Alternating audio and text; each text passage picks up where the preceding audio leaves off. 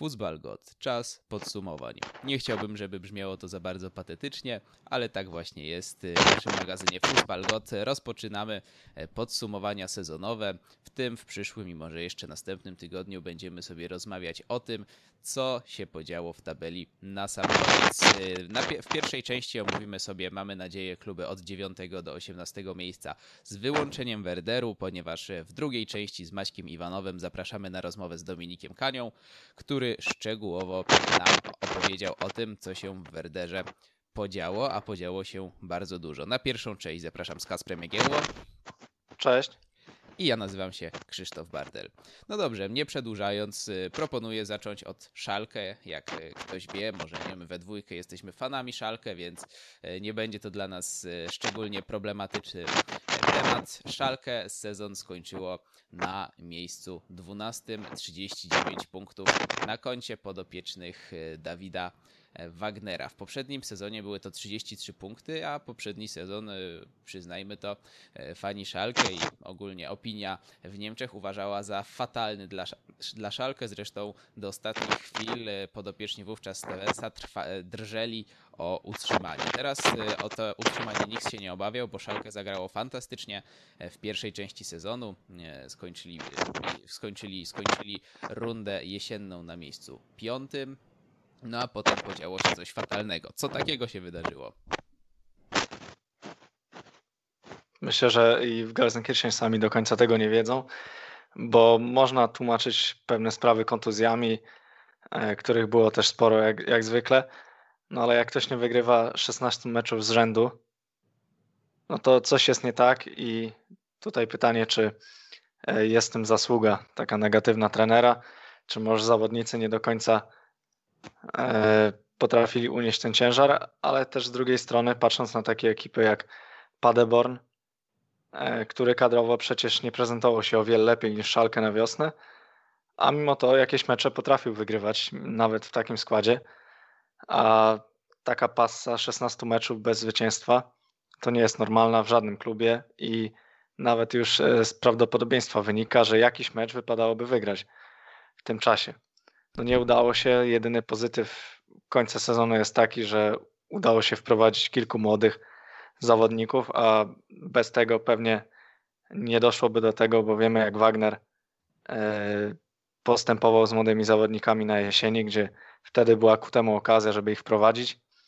Wszystko układało się dobrze, no ale nie dostawali szans w tym dobrym czasie, a później jak już przyszła seria porażek, e, atmosfera w klubie była gęsta, wtedy dostawali szansę, no i trudno było oczekiwać od nich też, że, że udźwigną to wszystko. No ale małe pozytywy można zapisać. Na pewno jest to dobra droga, żeby stawiać na takich zawodników jak Bosdogan, niż kolejny raz forsować wypożyczenia Mirandy, który kompletnie się nie sprawdził, czy też Gregoricza. Więc. Y, mhm. Myślałem, że już kończysz. Śmiało, śmiało. No tak kończąc już, y, co tu dodać? Y, może, może tylko to, że w Szalkę nie może nigdy być normalnie pod tym względem, że jesień była świetna, pomimo kilku słabszych meczów, mimo to udawało się je wygrywać i dało to taką nadzieję. Później pierwszy mecz z Gladbach rundy wiosennej też był świetny. No i nagłe tąpnięcie, wszystko się zawaliło, a dużo inne, dużo lepsze odczucie tego sezonu byłoby takie, Gdyby po prostu Szalkę co drugi, trzeci mecz potrafiło wygrać, zagrać ładnie, później przegrało, punktowo może wyglądałoby podobnie, ale odbiór by był inny, bo rozniosłoby się to na cały sezon. A tutaj mamy świetną jesień, fatalną wiosnę i tak naprawdę nie wiemy, e, jaki jest prawdziwy obraz tej ekipy. I czy Wagner może jeszcze to e, ponieść w nowym sezonie, bo raczej nie wydaje mi się, że w innym klubie byłaby możliwość, że trener może przetrwać tak fatalną serię bez zwycięstwa. No i to chyba jest taka tylko e, zagrywka, że wcześniej trener był zmieniany praktycznie co roku. Gdy nie szło, no to teraz sprawdźmy, co się stanie, jak zostawimy tego trenera. Może będzie lepiej, oby. No ale sytuacja finansowa i wszystko to, co działo się w czasie pandemii, to też e, nie nastraja pozytywnie na nowy sezon. No, w kontekście Davida Wagnera trzeba sobie powiedzieć wprost, że to nie jest decyzja sportowa i tak jak mówisz, w normalnych warunkach każdy klub by się pożegnał z takim trenerem, no ale tutaj są dwa takie czynniki, które przede wszystkim e, trzeba wymienić. Przede wszystkim kondycja finansowa Szalkę, która jest fatalna i do tego stopnia, że tutaj nie mówimy o tym, że Szalkę sobie nie kupi zawodników za 30 milionów, tylko o tym, że Szalkę sobie prawdopodobnie żadnych zawodników nie kupi, albo wyda na nie jakieś bardzo niewielkie pieniądze, ewentualnie będzie musiało spieniężyć niektórych zawodników, którzy są, byliby potencjalnie wciąż przydatni, jak na przykład Weston McKenney, bo to jest chyba jedyny zawodnik, którego, z którego Szalkę może sobie zrezygnować. Um, który daje jakość tu i teraz, e, a który e, da także solidny zarobek, bo mówi się tutaj o 25 milionach. No i w normalnych okolicznościach Wagner nie miałby e, prawa pozostać w klubie, no teraz mimo wszystko odprawa i tak dalej, no to nie wpływa dobrze na stabilizację w klubie, także stabilizację finansową. No a drugi powód to jest e, po prostu fakt, że teraz naprawdę na rynku trenerskim nie ma wielu ciekawych opcji. Pojawił się co prawda hacking, można by było się zastanawiać, czy to nie będzie e, dobry kandydat na szalkę. Zresztą, zresztą gdy Dawid Wagner przychodził do klubu, to właśnie Dieter Hacking był e, dla niego alternatywą. On wybrał HSV ostatecznie. Czy też Szalkę z niego zrezygnowało, nie wiemy. No ale wydaje się, że w tej sytuacji hacking byłby całkiem sensownym wyborem, jednak nie będzie. Chyba, że Dawid Wagner fatalnie zacznie sezon, e, no i trzeba będzie ratować, to wtedy, wtedy jeśli hacking będzie wolny, to znakomita, znakomita propozycja moim zdaniem. Oczywiście no nie, nie na szalkę w, jak gdyby w optymalnych warunkach, jak gdyby zwykle szalkę powinno mierzyć ciut wyżej, no ale teraz jeśli by się zdarzyło tak, że hacking by musiał przejąć klub którym jest taki rozgardiasz, to, to myślę, że mało kto, jak on w, z trenerów z marką w Bundeslidze, e, byłoby sobie w stanie z tym poradzić. Zdecydowanie, to też widzieliśmy w Gladbach, że Hacking był takim trenerem, który wszystko był w stanie ustabilizować, wprowadzić w lepsze czasy, a gdy na rynku pojawił się Marco Rose, e, można było go sprowadzić do klubu i widać teraz tego efekty. Więc może wcale nie byłaby to najgłupsza opcja, tylko moim zdaniem już spóźniona, bo yy, można było to zrobić rok wcześniej. Była wiara w Wagnera. No, zobaczymy teraz, co stanie się w kolejnym sezonie i czy faktycznie e, Wagner dostanie kolejny, kolejne zaufanie, czy po kilku kolejkach znowu będzie zmiana decyzji i szukanie nowego trenera, ale tak jak mówisz, rynek trenerski obecnie jest bardzo zamknięty, nie ma wielu ciekawych nazwisk albo takich, które, które już na poziomie Bundesligi coś gwarantują. No, takimi nazwiskami e, byli właśnie Hacking, który miał pracę, no i Labadia, który znalazł pracę w trakcie sezonu i, no jeszcze i Hertę. E, no tak, tak, ale to takie już nazwisko było chwilowo nieobecne w Bundeslidze e, na rynku niemieckim. No ale i to taki trener, który mierzył wyżej i inny, inny rodzaj, e, typ trenera, który preferuje inny styl i może w tym momencie na szalkę byłoby to widowiskowe, tylko czy też e, z tymi wykonawcami byłby w stanie e, wprowadzić coś ciekawego. To też taka wątpliwość. No właśnie zacząłeś właśnie mówić o tych wykonawcach i y, ja bym chciał tutaj się skupić jeszcze na tym, że w pierwszej części sezonu mimo wszystko Dawid Wagner zogniskował grę wokół takich nazwisk jak y, Kabak, y, idąc dalej Maskarel, Serdar, Arit i umówmy się, to była taka zupełnie kluczowa czwórka. Reszta po prostu nie przeszkadzała. Czy tam grał obok nich w pomocy McKenny, czy Caligiuri, no to obaj ewidentnie odstawali, ale swoją robotę troszeczkę wyrobniczą robili. W ataku był zwykle Raman z Burgstalerem. Obaj grali raz lepiej, raz gorzej, to znaczy Burgstaller cały czas słabo, ale także nie przeszkadzał. Co prawda w wielu meczach to było faktycznie tak, że ten Burgstaller marnował na potęgę i przez to trzeba było się ratować, jak na przykład w takim meczu z Mainz, gdzie Arid w ostatnich minutach uratował punkty, czy, czy w meczu z Köln, gdzie te punkty Szalkę straciło, bo Burgstaller powinien mieć na koncie co najmniej hat-tricka.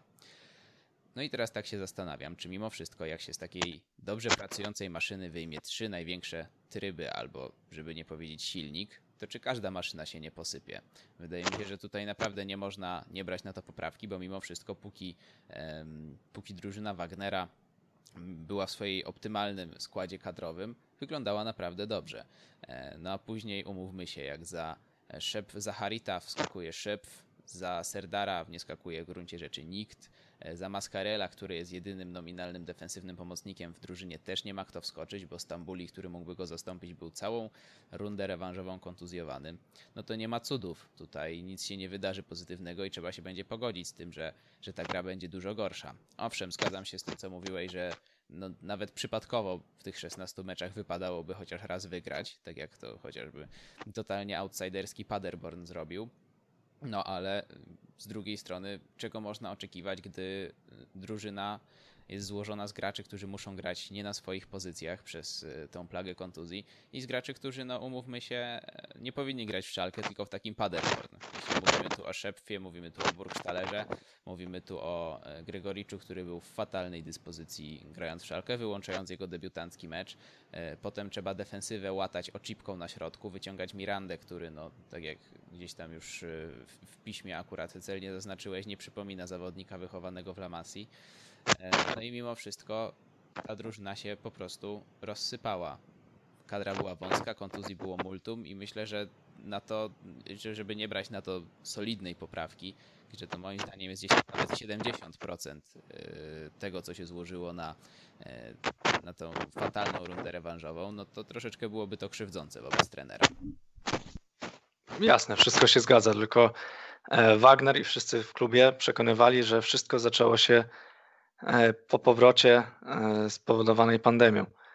A tak naprawdę ten kryzys trwał już pod koniec stycznia i w lutym, gdzie kontuzji jeszcze nie było tak wiele, a wtedy już zaczęło się wszystko psuć. Ale tutaj zdecydowanie się zgadzam, że, że w takim klubie i, i z tym materiałem, który Wagner miał do dyspozycji jesienią, robił świetną robotę, ale wszystko to było oparte na tym, że praktycznie skład się nie zmieniał.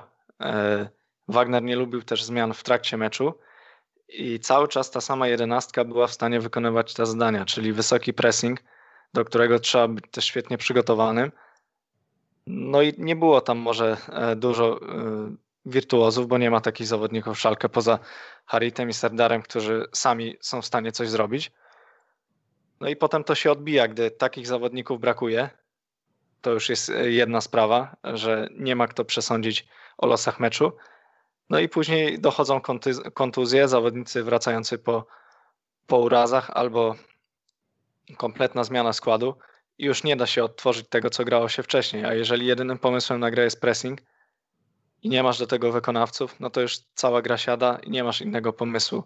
Nie zagrasz kombinacyjnie, bo, bo jak zagrać, skoro masz w składzie y, oczipkę czy, czy szepfa, no to nie wychodzi. Szepf może i biega, no ale biega w jednym tempie i to też nie jest zawodnik, y, który jest w stanie coś zrobić indywidualnie. No i te wszystkie błędy później y, się nawarstwiały, później stra, strata jakiejkolwiek e, wiary już w sukces, powtarzanie, że już nie gramy o, o puchary, co było też może zrozumiałe w takiej sytuacji, no ale to też nie pomagało. No i Szalkę można powiedzieć, że pośrednio zdecydowało o tym, kto utrzymał się w lidze, bo, rozdawało punkty e, ekipom z dołu tabeli e, hurtowo, może poza Unionem, gdzie udało się walczyć remis, no ale mecz z Werderem E, Pamiętasz zresztą, co się wydarzyło, gdzie Todibo kiwał się w środku pola, stracił piłkę. Bittencourt oddał strzał życia i teraz dzięki temu mówimy, że Werder utrzymał się w lidze, bo mogło być tam spokojnie 0-0, a w drugiej połowie też Szalkę miało swoje szanse. No ale nie udało się i zamiast Werderu mamy Fortunę w drugiej lidze. No to chyba jedyny pozytyw z tej fatalnej gry Szalkę, że dzięki nim się Werder utrzymał. E, bo ja tutaj jak gdyby od początku orędowałem, żeby właśnie wyglądało to dno tabeli, od kiedy gdzieś tam już się zaczęło ono klarować. E, No ale dobrze, bo już dosyć dużo czasu na to Szalkę poświęciliśmy, więc trzeba powoli e, zwijać temat. E, Porozmawiajmy sobie jeszcze chwileczkę na temat przyszłości klubu, czyli tego, kto się może pojawić, kto odejdzie. Wiemy, że odszedł Kubel. Sytuacja w bramce jest Ferman, jest Schubert, jest Langer. Ferman zostanie w klubie, ale prawdopodobnie nie będzie pełnił roli pierwszego bramkarza. Markus Schubert natomiast prawdopodobnie zostanie wypożyczony do klubu, zostanie ściągnięty nowy golkiper. Mówiło się najwięcej o Ulreichu, y, ale także o Szwolowie z y, Freiburga i to prawdopodobnie on trafi do Szalkę. Zawodnik jest już dogadany z klubem w sprawie kontraktu. Teraz Szalkę pozostało zbić trochę cenę z y, żądanych 8 milionów. Dalej środek obrony wydaje się, że tutaj się wiele nie zmieni. Kabak, Nastazic, Zane raczej pozostaną w klubie. Wa- ważą się jeszcze losy Benjamina Stambuliego, e, który e, chce zarabiać troszeczkę za dużo w stosunku do tego, ile jakości daje i jak często może grać, bo mimo wszystko e, w ostatnim czasie dosyć dużo ten zawodnik stracił na kontuzję. No i też warto w tym miejscu wspomnieć, że S- S- Schalke wprowadziło salary cap maksymalnie 2,5 miliona w skali roku będą mogli zarabiać zawodnicy Schalke, więc jest tu pewne ograniczenie, no ale na czas pandemii myślę, że to jest y, jedyne co można było w Szalkę zrobić. Oprócz tego Malik Tio się pojawił, bardzo młody zawodnik, bardzo utalentowany. Zresztą Kacper już o nim mówił, zanim, e, zanim on miał szansę zadebiutować w Bundeslidze. E, 18-latek, e, przypominający w, w stylu gry i, i, i też w jakości gry Joela Matipa. E, Oprócz tego no, na lewej stronie zostaje Bastian Oczipka z wypożyczenia. E, wrócili e, Hamza Mendil i Jonas Karls, ale raczej żaden z nich w klubie nie pozostanie. Tutaj na lewej obronie zapewne pojawi się nowy zawodnik. Miał to być Danilo Soares z Bochum. Ostatecznie postanowił zostać w drugiej lidze.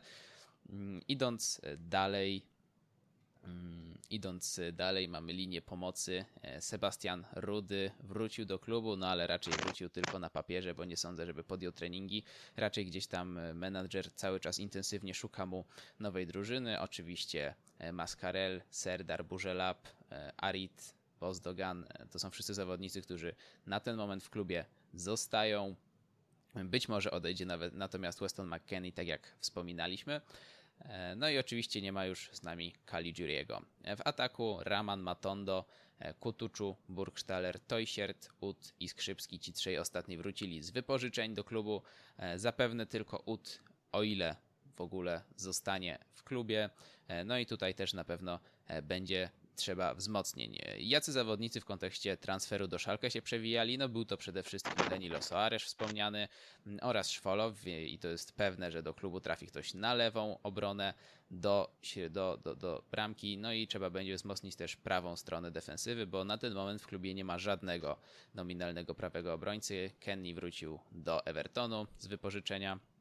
Caligiuri, który mógł tam grać, też zniknął. Oprócz tego mówiło się, że Szalkę będzie chciało pozyskać jakiegoś zawodnika do pomocy, raczej ofensywnego. Mówiło się tutaj o Sztygerze z Fortuny. Póki co temat przygasł. Zobaczymy, jak e, potoczy się to dalej. W kontekście prawej obrony był to Ngakia z mm, West Hamu, bardzo młody zawodnik, dostępny za darmo. Temat też ponoć upadł. E, W kontekście ataku mówiło się przede wszystkim o zainteresowaniu dwoma napastnikami z Bundesligi, e, Cordobą oraz Andersonem, kolejno z Köln oraz Unionu. E, No, Cordoba raczej jest nie do wyciągnięcia aktualnie, jak chodzi o finanse Szalkę. Tam w grę miała wchodzić wymiana za UTA z dopłatą, ale nie zgodziło się na to Köln. E, No a Anderson jest jak najbardziej w zasięgu Szalkę, tylko trzeba się zast- zastanowić, czy jest to. No i Szalkę też stawia teraz odważnie na transfery do drużyny drugiej, e, a raczej do drużyny młodzieżowej. Bardzo wielu, nie będę tutaj nawet wymieniał nazwisk, bo to już zbyt, zbyt szczegółowe, ale, ale chyba nawet pięciu, sześciu zawodników e, takich wyróżniających się na swoim poziomie młodzieżowym do Szalkę trafiło, więc naprawdę na pewno jest to znakomity kierunek i, i, i wiemy, że w przyszłości Szalkę się na tym e, wielokrotnie wychodziło dobrze. Tutaj można wymienić chociażby Nubela, Goreckę, mm, Kolasinacza. mm, Nie pamiętam, który, który tam jeszcze z zawodników w trakcie swojej e, młodzieżowej kariery do Szalkę trafił i miał status wychowanka, ale kilku takich... Ostatni taki przykład to Bosdogan, gdzie po roku od sprowadzenia już był w stanie zadebiutować w lidze.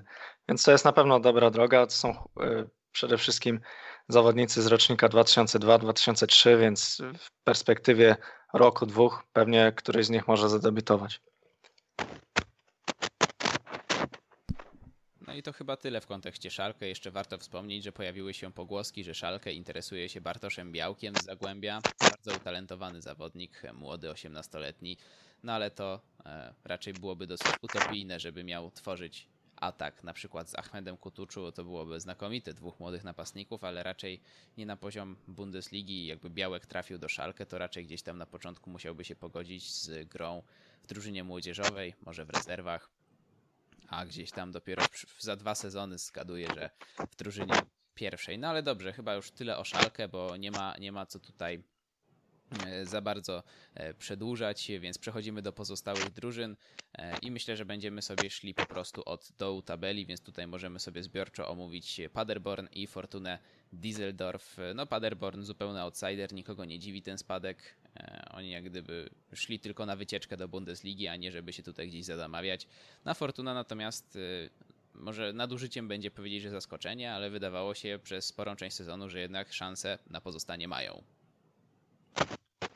E, zaskoczenie na pewno e, z tego względu, jak wyglądali na wiosnę, bo przed sezonem mogliśmy e, spodziewać się tego, że będą walczyć o utrzymanie, że pewnie spadną, bo przeważnie tak się dzieje z drużynami, które po awansie świetnie się pokażą w pierwszym sezonie, później wielu zawodników odeszło i to takich kluczowych jak Luke Bakio i Raman. No i jesienią faktycznie wyglądało to bardzo słabo, ale po zakończeniu roku mieliśmy zmianę trenera, pojawił się e, w klubie Rezler i faktycznie Fortuna zaczęła wyglądać dobrze, ale zasługują na miano pechowca sezonu, bo to, co działo się w ich meczach, no to nie da się tego wytłumaczyć i praktycznie na własne życzenie e, stracili szansę na utrzymanie, bo na, na myśl od razu przychodzą mi takie mecze jak e, mecz z Hertą, gdzie prowadzili do przerwy 3 do 0, by później nie wygrać tego meczu. Czy mecz z Kolonią, gdzie, gdzie prowadzili już i grali w przewadze zawodnika, później też tego nie wygrać. W ostatniej kolejce też mieli wszystko w swoich rękach. Wystarczyło wygrać. No ale jak to bywa z Fortuną, na własne życzenie potknęli się na ostatniej prostej. I może być ich trochę szkoda, bo naprawdę e, wnosili coś na wiosnę do tej ligi i jest tam kilku, czy już było, można powiedzieć, bo pewnie odejdą z tego klubu zawodników, których naprawdę nieźle się oglądało. Tutaj wspomniałeś wcześniej o Sztygerze. Był Tommy Hennings, który e, był w czołówce strzelców, co było dość niespodziewane. Na pewno takim zawodnikiem jest Eichan, który też nie może marnować czasu w drugiej lidze i mówi się też e, po raz kolejny o powrocie do Szalkę, czyli jest e, w kim tam wybierać i ciekawe jak to się dalej potoczy. Trener ma zostać na drugą ligę, czyli jest szansa, że, że powrócą do Bundesligi po roku, chociaż stawka na zapleczu też będzie znowu mocna, bo i Hanower i, i Hamburg łatwo broni nie złożą. No i wśród tych ciekawych zawodników nie wymieniłeś jednego gracza z numerem 9, Dawid Kownacki, rekord transferowy nabyty przed sezonem. E, młody polski napastnik, chociaż już nie taki młody, bo ja to uważam, że w wieku 23 lat już nie można mówić, że ktoś jest e, młody i obiecujący, tylko młody i już w optimum swojej formy. Może się stawać tylko lepszy, ale już trzeba go rozpatrywać jako zawodnika ewidentnie jakościowego, a nie przyszłościowego. No a Kownacki zawiódł na pełnej linii. Po prostu był fatalny w tym sezonie e, w pierwszej części, potem był kontuzjowany. E, I jaka twoim zdaniem przyszłość go czeka? Bo moim zdaniem na ten moment to on nawet nie jest zawodnikiem na drugą Bundesligę. Znaczy jakby miał obstawiać, to pewnie zostanie w tej, w tej, w tej Fortunie i tam w drugiej Bundeslidze z pięć bramek strzeli. Ale, ale wydaje się, że to jest po prostu nie wypał do kwadratu, szczególnie, że no na, na, na warunki Fortuny Düsseldorf wydać według Transfermarktu niecałe 7, ale chyba realnie to było troszeczkę więcej milionów.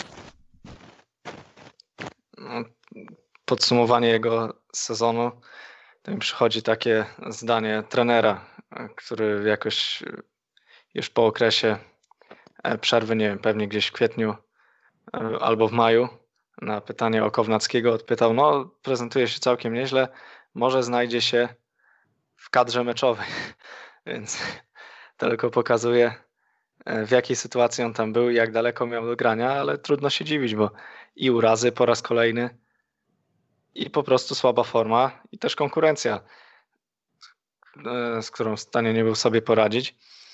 I teraz pytanie, co Fortuna z nim może zrobić, bo utrzymywanie takiego zawodnika, za którego wydało się tyle pieniędzy, może być dla nich trudne w drugiej lidze, a z drugiej strony pewnie nie znajdzie się nikt, który byłby w stanie zaproponować Fortunie tyle, żeby była choć była w stanie choć część pieniędzy z tego transferu odzyskać. W sumie stało się to, co od początku też przewidywałem, że e, to całe dążenie Kownackiego e, do ucieczki z Włoch akurat do Fortuny i z drugiej strony dążenie Fortuny, żeby sprowadzić za taką kwotę na następcę Ramana i Luke Bakio akurat tego zawodnika. No, wydawało się dziwne. No i się nie pomyliłem, bo zero bramek na koncie w całym sezonie, będąc napastnikiem, ofensywnym graczem, to też jest jakiś wyczyn.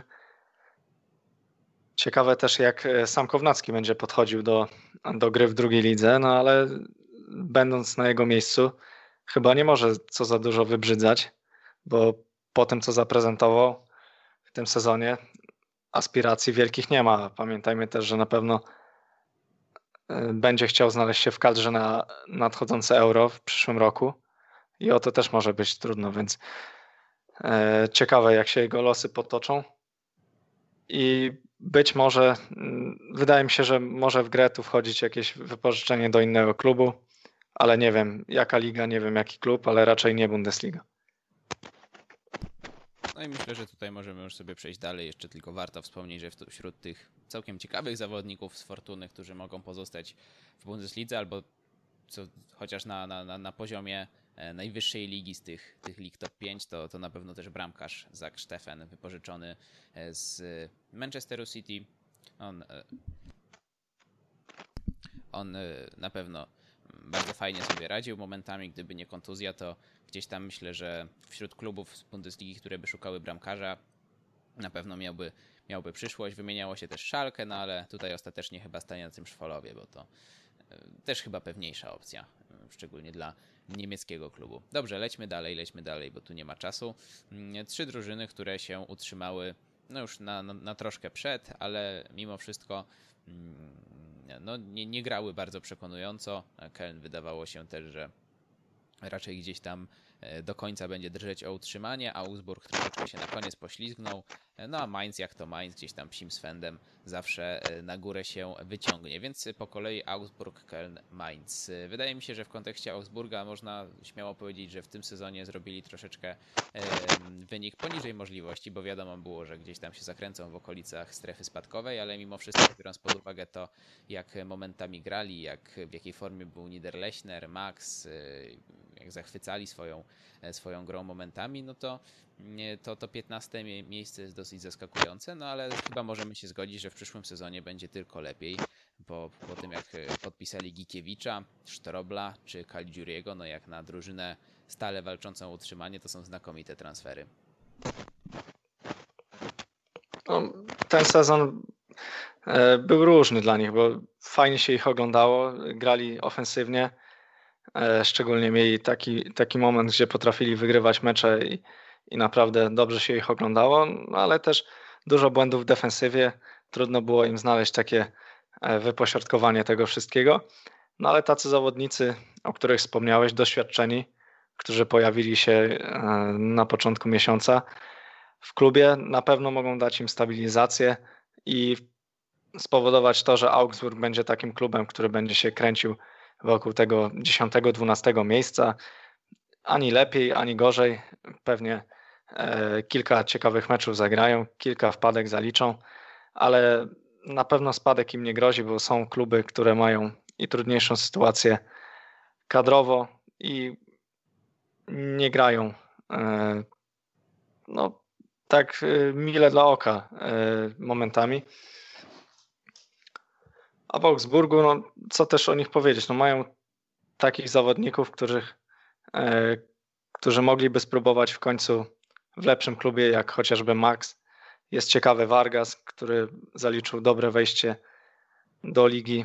Niezawodny Niederlechner, który znalazł tam swoje miejsce i, i notował świetne liczby, chociaż już może dla niego za późno, żeby spróbować gdzieś wyżej, no ale na pewno tam jest w stanie jeszcze pograć kilka, kilka dobrych sezonów. Jak to wszystko opakuje się Caligirim, Sztroblem, no i najważniejsze jednak to, co dzieje się w bramce, bo, bo wiele punktów stracili przez to, że kolejny rekord transferowy, mówiliśmy o Kownackim Fortunie, ale tutaj o, o Kołbku w Augsburgu, gdzie miał w końcu zapewnić stabilizację w bramce, a skończyło się jak się skończyło, że powstały tylko z jego przygody w tym klubie kompilację najgorszych zagrań i wpadek. No to aż było niemożliwe, do jakich sytuacji potrafił doprowadzić. No i jeżeli tutaj uda się to wszystko uporządkować w bramce, to faktycznie Augsburg jest spokojny, bo, bo mają kilku ciekawych zawodników, którzy są w stanie to pociągnąć. Zależy też, kto odejdzie. No ale raczej nie spodziewam się, żeby, żeby mieli jakieś problemy z utrzymaniem w przyszłym sezonie.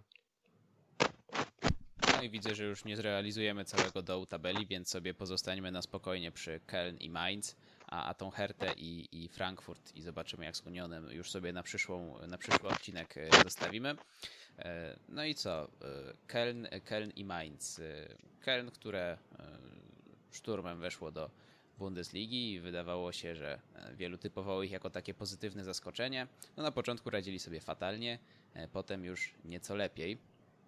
Mm, no i e, nie wiem, jak, jak ich ocenić w kontekście przyszłego sezonu, ale wydaje się, że to też raczej nie jest drużyna, która gdzieś tam do końca będzie musiała dążyć o utrzymanie, chociaż trzeba sobie, trzeba przyznać, że jest wielu zawodników, którzy no nie do końca się e, sprawdzili i gdzieś tam tych kombinacji z składem było bardzo dużo, no ale też trzeba na pewno docenić to, że e, po, po tym jak drużynę objął Gizdol, to naprawdę ciekawe, ciekawe rzeczy powymyślał. Przejście na formację z trzema e, obrońcami, gdzieś tam zaangażowanie UTA najlepiej jak się da, e, wyciągnięcie tych zawodników jak, jak Hausa czy Katerbacha.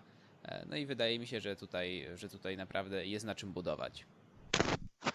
Jest na czym budować, ale ciekawe też jak Gizdol sobie poradzi w kolejnym sezonie, bo też wiemy, że to jest trener z typu strażaków, który potrafi uporządkować grę tu i teraz, gdzie drużynie nie idzie, dać utrzymanie, a jak trzeba coś już zbudować od zera i samemu, e, może pojawić się problem. I to też pokazuje e, to, jak w Szalkę mogliśmy podzielić sezon na dwie części, czyli na świetną jesień i fatalną wiosnę, to tu w Kolonii możemy podzielić go na trzy części, gdzie początek za e, Bayer Lorcera był fatalny, była zacięta walka o utrzymanie, i nie układało się zupełnie nic. Później przed Gizdol od razu była e, kompletna zmiana o 180 stopni, odwrócenie wszystkiego i, i zaczęło im po prostu iść dobrze.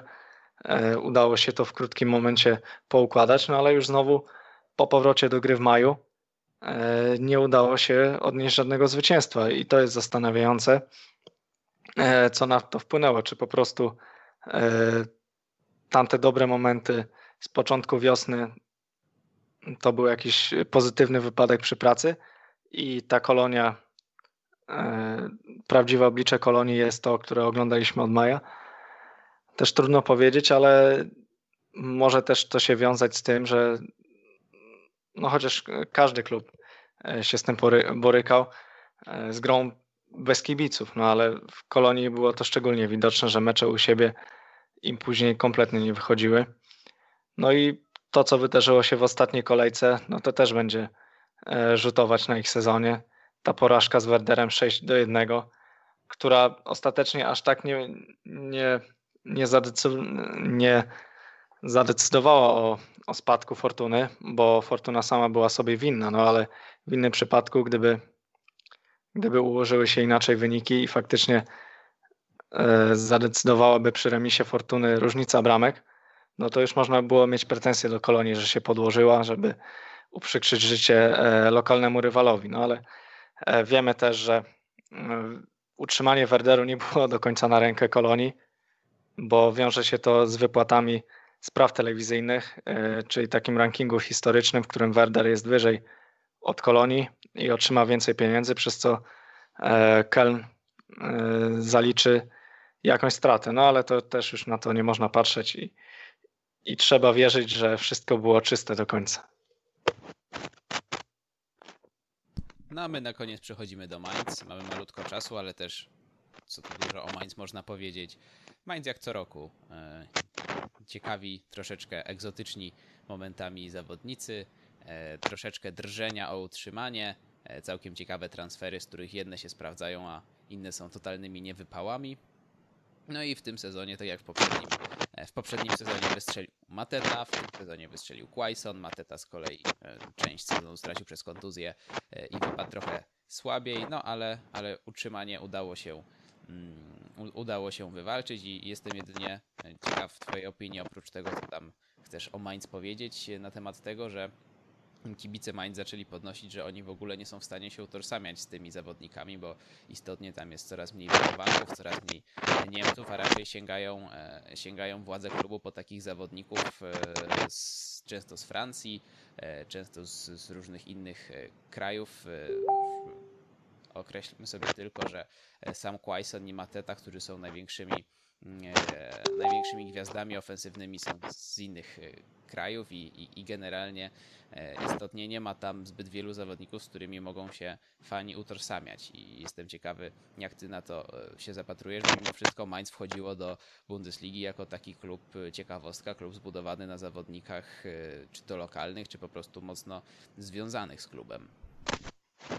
Na pewno coś w tym jest, że to był taki rodzinny klub, który kojarzy się z Klopem, później z Tuchelem, z trenerami, którzy wywodzili się stamtąd. E, zawodnicy też, którzy przez wiele lat e, występowali w tym klubie. No a teraz mamy kompletne odwrócenie sytuacji i może aż e, rzeczywiście trochę przesadzone. Chociaż z drugiej strony, jeżeli dawałoby to świetne wyniki, to pewnie nikt by o tym nie mówił i to jest ze sobą powiązane. Na pewno jest kilku ciekawych zawodników, ale Mainz przez większą część sezonu, a praktycznie przez cały sezon męczyło bułę i źle, źle się to oglądało. Mieli jakieś e, pozytywne mecze, w których naprawdę byli w stanie pokazać ciekawą grę, ale poza tym, no to takie typowe Mainz z ostatnich lat, czyli męczenie buły cały czas, później obudzenie się pod koniec sezonu, wygrana z Borussią, wygrana z Werderem, zapewnienie sobie utrzymania. No i, i tyle chyba o tyle im chodziło w tym sezonie, żeby bezpiecznie się utrzymać. Może tak bezpiecznie aż do końca nie było. Wypromowanie kolejnych zawodników na sprzedaż i sprowadzanie kolejnych. No, tak to się w tym klubie ostatnio odbywa. Potrafią wypromować e, ciekawe nazwiska. No nie wiem, po tym sezonie, czy jest taki zawodnik, który będzie rozchwytywany. Wiadomo, że e, w ofensywie jest Quaison, ale to też nie jest już najmłodszy zawodnik. Mateta ma swoje przejścia po urazach, ale wydaje mi się, że to może być taki zawodnik, który pierwszy opuści klub, bo też patrząc na, na innych zawodników, czy z obrony, czy, czy z pomocy, no to zbytnio oni się niczym nie wyróżniają.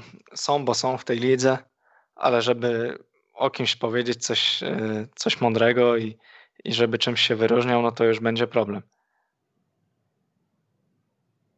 No ja tutaj, no chyba, ja tutaj chyba za dużo do dodania nie mam, więc E, po prostu będziemy się żegnać i, i, i, i ja zapraszam w tym miejscu na drugą część e, zapowiadaną, w której z Maćkiem Iwanowem porozmawialiśmy z Dominikiem Kanią na temat Werderu, a, a jak chodzi o pierwszą część, to się żegnamy Kasper Jagiełło. Dzięki, do usłyszenia. I Krzysztof Bardel, do usłyszenia. No i przechodzimy do zapowiedzianej części, w której sobie omówimy Werder. No i jak starczy też czasu, to pozostałe drużyny, które bezpośrednio e, z Bundesligi spadły. Werder na szczęście się utrzymał, a skoro Werder, to i Dominik Kania, Radio Gol. Witamy Cię bardzo serdecznie. Dzień dobry, cześć. E, no, e, skoro tak, to mamy około 20 minut na.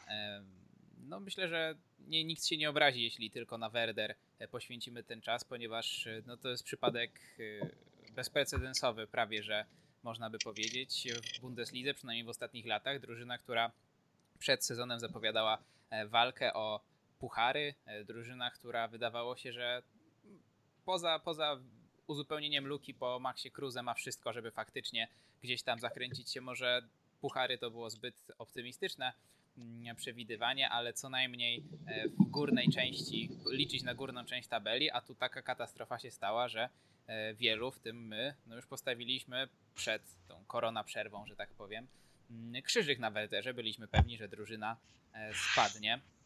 Powiedz, czy twoim zdaniem to, to, to, jest e, tak prozaiczna odpowiedź, po prostu kontuzje, drużyna wpadła w dołek formy, no i stało się jak się stało, szczęście, że, że się drużyna utrzymała, czy tutaj jest jakieś głębsze dno i jakiś większy powód tego, że, no, że Werder w zasadzie chyba tylko wolą Bożą jest teraz w Bundeslidze, bo niekoniecznie umiejętnościami piłkarzy. No tu pełna zgoda. Na papierze wyglądała ta drużyna na taką, która ma wszystko, żeby y, przynajmniej powtórzyć wynik z tamtego sezonu, y, to znaczy bić się gdzieś tam o miejsca dające grę w europejskich pucharach. Y, nie sprowadzałbym tutaj problemów Werderu w tym sezonie tylko do kontuzji, chociaż oczywiście to, to, to jest jakby duży, duża część tych kłopotów, które się E, nad Bremą, nad e, Weserstadionem w tym sezonie uzbierały. Natomiast e, jest to część, a, całe problemy no to jest wypadkowa wielu innych zdarzeń. Tu atmosfery w drużynie, pracy sztabu szkoleniowego, polityki transferowej lub też jej braku, jak kto, jak kto woli. Może i trochę zamieszania, jeśli chodzi o nazwę stadionu, sponsoring i, i inwestycje firmy E, Von Invest. Kontuzjami ja bym tego tylko i wyłącznie nie tłumaczył. Pamiętam taki sezon, kiedy Thomas Schaff też miał trudną sytuację kadrową, też e, e, wypadali mu kolejno zawodnicy, musiał sięgać po zawodników z drużyny rezerw. Pamiętam nawet taki mecz, kiedy na boku obrony zagrał chyba jeden, jeden raz, jeśli dobrze kojarzę, ten Marlon Bush, który, który niedawno um, walczył z Werderem właśnie w barwach Hoffenheim. No i jakby nigdy nie było takich kłopotów, jakie były w tym sezonie. No, dziesiąte miejsce, e, druga część e, tabeli była uznawana za, za porażkę i za słaby sezon i wtedy być może można to było tłumaczyć kontuzja, kontuzjami, nietrafionymi poszczególnymi e, ruchami transferowymi. Wtedy jeszcze e, Klausa Alofsa. E, tutaj sprowadzenie wszystkiego do kontuzji to jest duże uproszczenie. Ja jestem jego przeciwnikiem. No właśnie powiedziałem w tych czynnikach, które gdzieś tam złożyły się na problemy Werderu, wymieniłeś między innymi, myślę, że sobie wrócimy do kilku, ale, ale chciałbym zacząć od y, pracy sztabu szkoleniowego. No i tutaj oczywiście na czele z Florianem Kochfeldem, czyli młodym trenerem, który Pamiętam, że nam mówiłeś jakiś czas temu, jak tutaj też mieliśmy okazję Cię gościć w, w, w, audycji, to mówiłeś, że Twoim zdaniem to nie jest nowy Thomas Schaff, to nie jest y, trener, który gdzieś tam pociągnie y, Werder wysoko. No i jak się okazuje, przynajmniej na razie miałeś olbrzymią rację. Mimo wszystko wtedy to była dosyć kontrowersyjna opinia. No i chciałem Cię właśnie zapytać o jego pracę, jego wkład e, negatywny, ale wciąż wkład w to, gdzie Werder się znalazł i także o decyzję władz Werderu, żeby go pozostawić, żeby mimo wszystko powierzyć jemu tą misję utrzymania drużyny w Bundeslidze, no i kontynuowania też e, pracy, pracy w klubie, niezależnie czy by to było w pierwszej czy w drugiej Bundeslidze. To znaczy, dobrze, że jest okazja, bo y, chciałem, że, chciałem to gdzieś y, kiedyś powiedzieć. To, to nie jest tak, że ja uważam, że Florian Kofeld jest złym trenerem i się nie nadaje. Moim zdaniem on jest y, młodym szkoleniowcem z dużymi perspektywami. Natomiast trochę zalewa mnie krew, kiedy dzisiaj już słyszę, że to jest świetny trener, bardzo dobry trener, e, utalentowany e, trener i tak dalej, i tak dalej. I jeśli pytam o wytłumaczenie, no to mi wskazują, um, no to wskazywany jest ten sezon poprzedni, tak, kiedy on no, w półfinale Pucharu Niemiec przegrał tę batalię o finał, choć okej, okay, doszedł do niego, to jest duża rzecz. No i też w końcówce sezonu raczej Werder grał przeciętnie i tak naprawdę gdyby punktował solidnie, E, no to wówczas e, wówczas grałby w tych europejskich e, pucharach w tym sezonie. Wracając do jego oceny, jeśli chodzi o bieżącą kampanię, ja Floriana Kofelda darzę dużą sympatią i dużą empatią, jeśli chodzi o ten sezon. Ja wiem, czy wyobrażam sobie, ile go to mogło kosztować. Ja cieszę się, że E, on został e, w tym sezonie do końca, bo e, chyba też właśnie poprzez, podczas poprzedniej wizyty mówiłem, że ta historia ma taką swoją romantyczność, której brakuje trochę dzisiaj w piłce nożnej, bo dzisiaj trenerów traktuje się dosyć dosyć surowo, zwalnia się ich bardzo często, czasem nawet za często. A tutaj takiej sytuacji e, nie było i ja, tej, i ja kibicowałem całemu procesowi. Natomiast mam wrażenie, że Werder dzisiaj utrzymał się słabością innych i zlepkiem szczęścia niż e, pracą sztabu szkoleniowego, bo wyobrażałem sobie, że po tej przerwie na pandemię odpowiednio przepracowanej, czy po przerwie zimowej, no to Werder zacznie solidnie punktować, a no jeśli spojrzymy na te wyniki, no to to nie było tak, że Werder utrzymał się, bo wrzucił jakiś piąty bieg. Werder utrzymał się przy no, splocie niefortunnych zdarzeń innych zespołów. Tu akurat niefortunnych nomen omen. Um, także um, przy całej, przy całej sympatii, przy całym uznaniu, bo to jest rzeczywiście trener być może perspektywiczny, um, no wydaje mi się, że tu, że miał dużo szczęścia. Nie stawiałbym dzisiaj Kofelda w, w jednym szeregu z najbardziej utalentowanymi szkoleniowcami młodego pokolenia. To jest, to jest trener, który wyniósł duże doświadczenie i i ciekaw jestem w ogóle, co się, co się z nim wydarzy, bo, bo pytają, to nie jest kwestia tylko, czy zostanie w Werderze, pytają o niego inne kluby. Mm, natomiast um, też nawet cieszę się, że on już to ma za sobą jako człowiek, że będzie mógł w nowym sezonie rozpocząć e, zupełnie inną pracę, z zupełnie inną presją, w zupełnie innych okolicznościach. Czytałem jego wczorajszą wypowiedź, tu już kończąc ten temat, ten wątek, kiedy on się odniósł do um, felietonu e, Jerga von Torry. Um, on wcześniej na łamach Wezer Kuriera pisał, że nie ma co żałować Floriana Kofelda, bo to jest ten stres i, i cała mm, i cała otoczka, złe emocje są wpisane w losy trenera, czy nawet on, powie, on napisał, że w jego pensję. E, no i, i Florian Koffert jakby kilka miesięcy temu wrócił do, do tego felietonu, e, do tej wypowiedzi Wontory e, i, i, mu, i, i mówił, że łatwo takie słowa wypowiadać czy pisać z boku, a zupełnie inna jest sytuacja, kiedy, kiedy przynosisz tę presję do domu, patrzysz na twoje dzieci, na twoją żonę i, i musisz sobie z tym radzić i, i żyć, mimo że dzieje się w twojej pracy zawodowej e, to, co się dzieje. Jakby ta sytuacja bardzo jeszcze mocniej podkreśliła, jak on, jaki on miał rok, jak, jak on wszystko e, przeżywał, jak dotknęła go cała sytuacja, nie tylko jako trenera, tu doświadczenie zdobyte to jest e, jasna sprawa, ale też jako, jako człowieka, skoro on tam po kilku E, tygodniach czy miesiącach wrócił do tego mm, artykułu, który mu tak zapadł w pamięć i, i chyba go mocno zabolał. No właśnie, mówisz o tym bagażu emocjonalnym, e, który będzie miał Maj i, i, i, będzie też niewątpliwie miał Kochfeld po tym sezonie. No i ciekawi mnie, jak twoim zdaniem to się odbije w przyszłości na Werderze, bo mimo wszystko to jest trener niedoświadczony, e, który nie osiągnął utrzymania po fenomenalnej wiośnie, który nie dźwignął drużyny wcale, tylko tak jak mówisz, troszeczkę psim swędem wygrał niektóre mecze. Mm, e, poszczęściło mu się, że akurat Dieseldorf się poślizgnął wtedy, kiedy miał się pośliznąć. E, baraże też nie były ani trochę przekonujące. Więc tutaj no, morale są troszeczkę zbudowane na tym, że udało się utrzymać, ale na pewno nie są zbudowane na stylu gry, e, nie są zbudowane też na jakichś większych perspektywach.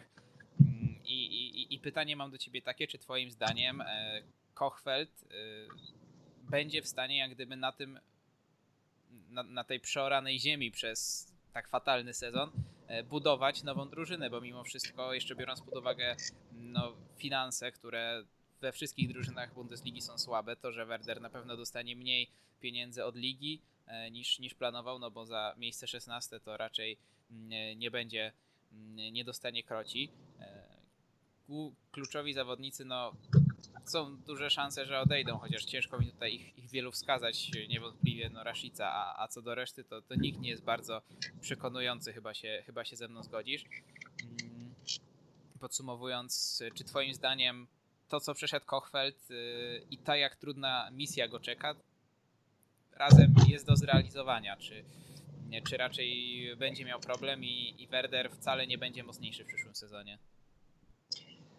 Potrzebne są zmiany, y, potrzebne są e, modyfikacje i powiedział to e, sam Kofeld właśnie, że e, nie ma sytuacji jakoś to będzie, działajmy dalej, tylko potrzeba zmian i to konkretnych. Zmian jeśli chodzi o przygotowanie zespołu, zmian jeśli chodzi o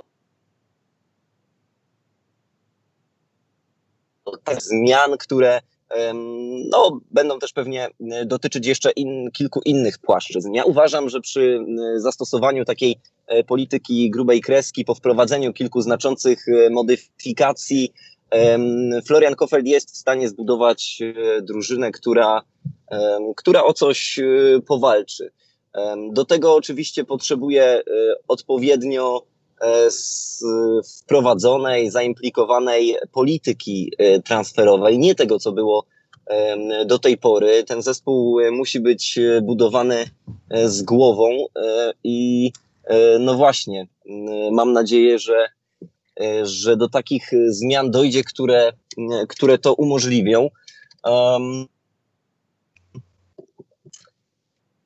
Jeśli ja miałbym, e, jeśli ja miałbym tutaj e, wskazywać e, przyczynę porażki, jeśli miałbym tutaj wskazywać głównego winnego, ja raczej zwróciłbym się ku osobie Franka Baumana. Ja bym raczej wymagał tutaj też większych zmian i modyfikacji w sposobie budowania tej, tej drużyny. Na pewno odejdzie Rashica, tak myślę. Jeszcze niedawno byłem pewien, że e, odejdzie Egestein, ale e, po tym, co prezentował w tym sezonie, nie wiem, czy znajdą się chętni. Ja myślę, że Florian Kofeld może zbudować ciekawy zespół, ale musi mieć wsparcie pionu sportowego, musi mieć wsparcie fachowców. Uważam, że to jest człowiek, który ma ciekawą wizję gry w piłkę, y, jest, y, ma też niezły charakter do tego, natomiast no, będzie też oczywiście potrzebował będzie też oczywiście potrzebował wykonawców odpowiednich. No właśnie tutaj się rodzi ten problem, który już gdzieś tam mm, poruszyłem chwilkę temu, czyli to, że mimo wszystko no nie będzie tak, że teraz jest y, draman w obronie i nagle przyjdzie z trzech świetnych obrońców. To nie będzie tak, że odejdzie Rashica i przyjdzie zawodnik jeden za jeden, tylko mimo wszystko gdzieś tam te strzały transferowe będą musiały być obarczone sporym ryzykiem, bo teraz no Werder nie będzie dysponował wielką gotówką i, i, i pytanie, jak ty to widzisz y, z perspektywy kibica i też osoby, która dużo lepiej od nas y, wie, co się tam w klubie dzieje, czy, czy to raczej będzie granie dalej tych notabene zgranych kart, yy, które są gdzieś tam w Werderze cały czas i mm, no i jakąś jakość dają, czy raczej to będą takie ryzykowne ruchy e, finansowane na przykład z transferu Rashicy, który gdzieś tam pewnie zamknie się w około 30 milionach. E, no na pewno, to trzeba będzie poszukać e, wpływów i Werder będzie musiał działać tak, że z wpływów z jednego zawodnika pozyska e, kilku e, piłkarzy. E, oczywiście o mniejszym nazwisku, o jakimś tam innym CV, no ale tak, na pewno to będą musiały być transfery obarczone jakimś tam ryzykiem, no ale przecież są kluby, które nie dysponują takimi środkami jak Werder i jakoś sobie radzą i potrafią być wyżej w tabeli i też e, właśnie z takiego punktu wyjścia e, wychodzą. No i tu cała sztuka klubu fachowców pionu sportowego Franka Baumana, jeśli zostanie, czy Marco Bode, bo to on będzie podejmował te decyzje, żeby właśnie sprowadzić do klubu takich ludzi, no właśnie jak Rashica, no bo tu też trzeba oddać, że Milot Rashica to jest efekt dobrej obserwacji, dobrego scoutingu i i trafnej pracy z tym, e, z tym piłkarzem. No i takich na pewno e, będzie ludzi więcej. No mam nadzieję, że to będzie ten kierunek, e, a nie kierunek, który w pewnym momencie obrał Frank Bauman, czyli takiej polityki transferowej opartej na mm, oportunizmie, sprowadzenie Topraka, Michela Langa, sprowadzenie mm, sprowadzenie Daviego Zelkę. E, no mam nadzieję, że tutaj będzie koncepcja e, z prawdziwego zdarzenia, e, z obserwacja poszczególnych piłkarzy na miarę możliwości finansowych Werderu, a nie właśnie przygarnianie zawodników, którzy nie łapią się w innych drużynach albo są niezadowoleni ze swojej sytuacji, skonfliktowani z tam z członkami sztabów szkoleniowych czy zawodnikami tamtych drużyn. A powiedz jeszcze tak y, czysto technicznie, jaki los czeka graczy, którzy są do Werderu wypożyczeni? Mam tutaj na myśli przede wszystkim y, Topraka, Bittenkurta i, i, i, i, da, i Dawida Zelkę, bo to są mimo wszystko gracze, którzy gdzieś tam są w stanie dawać większą lub mniejszą jakość. To są gracze, chyba się zgodzimy, że, że tacy, którzy mogliby w Werderze na stałe zostać, więc tak czysto informacyjnie, czy, czy oni, czy, czy Werder ma opcję na kupno, czy może to jest kupno obligatoryjne, czy, czy nie? No cały problem polega na tym, że jeśli chodzi o Daviego Zelkę, z tego co wiem, to to jest opcja kupna. Jeśli chodzi o Omera Topraka i Leonardo Bittencourta, to to jest e, kupno obligatoryjne i suma, przepraszam, opiewać będzie chyba na ponad 13 milionów euro. Tak, i to jest ten nikiforyzm e, polity prowadzenia polityki e, transferowej, e, którym się tutaj popisał Frank Bauman, niestety. A więc o ile jeszcze wykup Leonardo Bittencourta wydaje mi się całkiem sensowny i uzasadniony, bo ten zawodnik jednak strzelał ważne bramki w tym sezonie, mimo że w końcówce ostatecznie ta jego rola nie była aż tak kluczowa, jak e, moglibyśmy przypuszczać. No, o tyle wydanie pieniędzy na Emera Topraka to jest po prostu, to są pieniądze wyrzucone w błoto.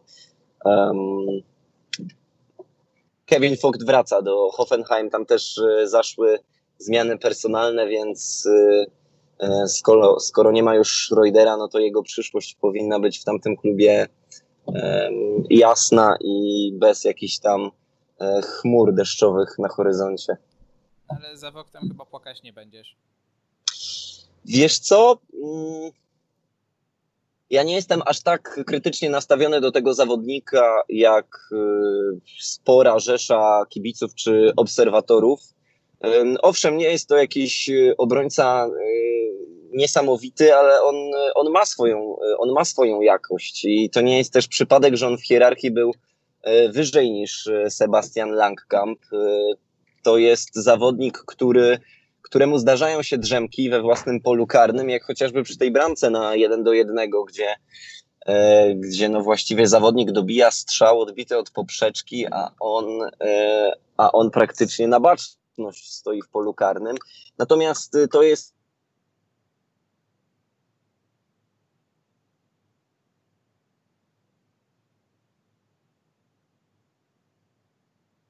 A chyba nam zerwało połączenie. Nie wiem, czy mnie słyszysz. Kamp niż yy, nawet. Halo, halo, czekaj, bo y, przerwało cię. Jakbyś mógł e, wrócić do momentu mniej więcej, jak mówiłeś, że to nie jest taki zły zawodnik i że był w hierarchii ponad. E, stoi na baczność. Tak, tak, że stoi na baczność, jak się od poprzeczki odbija. No tak. Y, natomiast y, jeśli chodzi o jego rozegranie, to chciałbym zwrócić uwagę, że to jest też trochę uniwersalny piłkarz, to znaczy Kofeld próbował go na szóstce e, i, i wychodziło to całkiem nieźle. On w rozegraniu, szczerze mówiąc, jest lepszy niż nominalny piłkarz tej pozycji, czyli Filip Barkfrede, moim zdaniem, o wiele lepszy technicznie. Więc y, szczerze mówiąc, y, ja bym wolał, żeby został Fokt niż, niż Mertoprak, y, jeśli miałbym jeśli mógłbym, miałbym e, wybierać, a to tak, takie moje subiektywne zdanie, nie, nie jestem aż tak negatywnie nastawiony do, do tego zawodnika. No i że dobija nam 20 minut, albo może już nawet przekroczyliśmy, nie mam pewności. Ode mnie ostatnie pytanie. Jaka Twoim zdaniem w przyszłym sezonie czeka, jaki los czeka Werder? Czy, czy znowu walka o utrzymanie? Czy, no czy może gdzieś tam unormowanie, że tak powiem, w tej, tej pozycji w tabeli, bo dla Werderu no na pewno normą nie jest e, miejsce 16. E, wiem, że to trochę wcześnie na jakiekolwiek przewidywania, ale, ale myślę, że każdy, każdy fan danej drużyny jakieś tam swoje odczucia ma. Um Myślę, że przyszły sezon będzie dla Werderu sezonem przejściowym. Myślę, że e, ten, tamten sezon, choć też trudno powiedzieć, bo, bo żadne decyzje personalne nie zostały podjęte, e, ale myślę, że e, ten sezon w najlepszym wypadku będzie takim sezonem, który zanotowały drużyny pokroju Szalkę, pokroju Eintrachtu Frankfurt w tym sezonie. Chciałbym na pewno, żeby tak było, żeby to był e, sezon środka tabeli, może tej e, drugiej e, połowy z takim utrzymaniem na kilka kolejek przed końcem. Trudno mi uwierzyć w cud, że nagle w ta, drużyna, ta drużyna zostanie zbudowana w taki sposób, że będzie mogła powalczyć o europejskie puchary. A ym, natomiast zawsze jest opcja, że może być, y, że może być jeszcze gorzej ym, i może być powtórka z rozrywki. To, to, trud, nawet y, nie chcę tego mówić głośno, bo trudno mi sobie to, trudno mi sobie to wyobrazić, ym, bo y, Uf, bo ja jestem bardzo zmęczony tym sezonem. Jeśli miałbym przeżyć drugi taki, to nie wiem, chyba zmieniłbym zainteresowanie. Więc y, nie spodziewałbym się Werderu wyżej niż miejsce, nie wiem, dziesiąte, dwunaste w przyszłym sezonie. E, Natomiast y, myślę, że jest możliwa, y, są możliwe dwie drogi, którą Werder pójdzie. E, Droga, która pokaże, że ten jeden sezon to był wypadek przy pracy, splot nieszczęśliwych e, zdarzeń, choć na końcu szczęśliwych. E, No i pójdzie drogą, nie wiem, Hoffenheim, które też miało w pewnym sezonie taką, taki dołek, taką wpadkę. Ale z drugiej strony może się okazać, że Werder nie znajdzie pomysłu na to, jak wyjść e, z kryzysu i będzie drugim e, Hamburgiem albo Stuttgartem. E, No i no i tego bym bardzo na pewno nie chciał, więc, więc nawet życzyłbym sobie, żeby to był w przyszłym sezonie taki spokojny, spokojny sezon i element budowania drużyny na, na kolejne lata. No i tak jak mówiłem, ode, mnie to już tyle. Maciek, chciałbyś jeszcze jakiś temat poruszyć? W sprawie Werderu nie. Tak jest. Nie, ja mam nadzieję tylko, że Werder e, popatrzy na, na swojego sąsiada, e, popatrzy na, H, na HSV i wyciągnie wnioski. Bo to, co zaczyna się w Werderze, to bardzo niepokojąco przypomina właśnie początki tej degrengolady w Hamburgu. I oby, oby wyciągnęli wnioski, bo naprawdę to dosyć, dosyć tych upadków, tych wszystkich tradycjonsverein. Ym, To tu jeszcze wtórując Maćkowi, no to warto dodać, że wszystko musi zostać poukładane mm, od góry aż do e, samego dna, jeśli możemy tak e, powiedzieć. Co mam na myśli? No już słyszy się o tym, że e, sytuację Werderu, sytuację sportową, ona jest przekuwana na jakąś walkę o wpływy, na podkopywanie jakichś tam stanowisk e, rywali, w cudzysłowie, na e, chęć po prostu znalezienia się wyżej w hierarchii klubowej.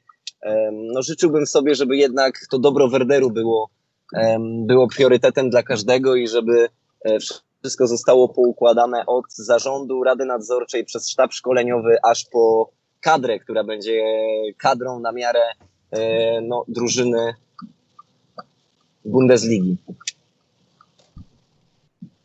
No i chyba to jest ładna puenta całości, także e, będziemy się żegnać. Dziękujemy Ci bardzo, że do nas na te 25 minut około wpadłeś. Mam nadzieję, że mm, nie do widzenia, a do usłyszenia Dominik Kania, Do usłyszenia, dziękuję. Maciej Iwanow Dzięki, do usłyszenia. i ja też się żegnam. Krzysztof Bardel, do usłyszenia.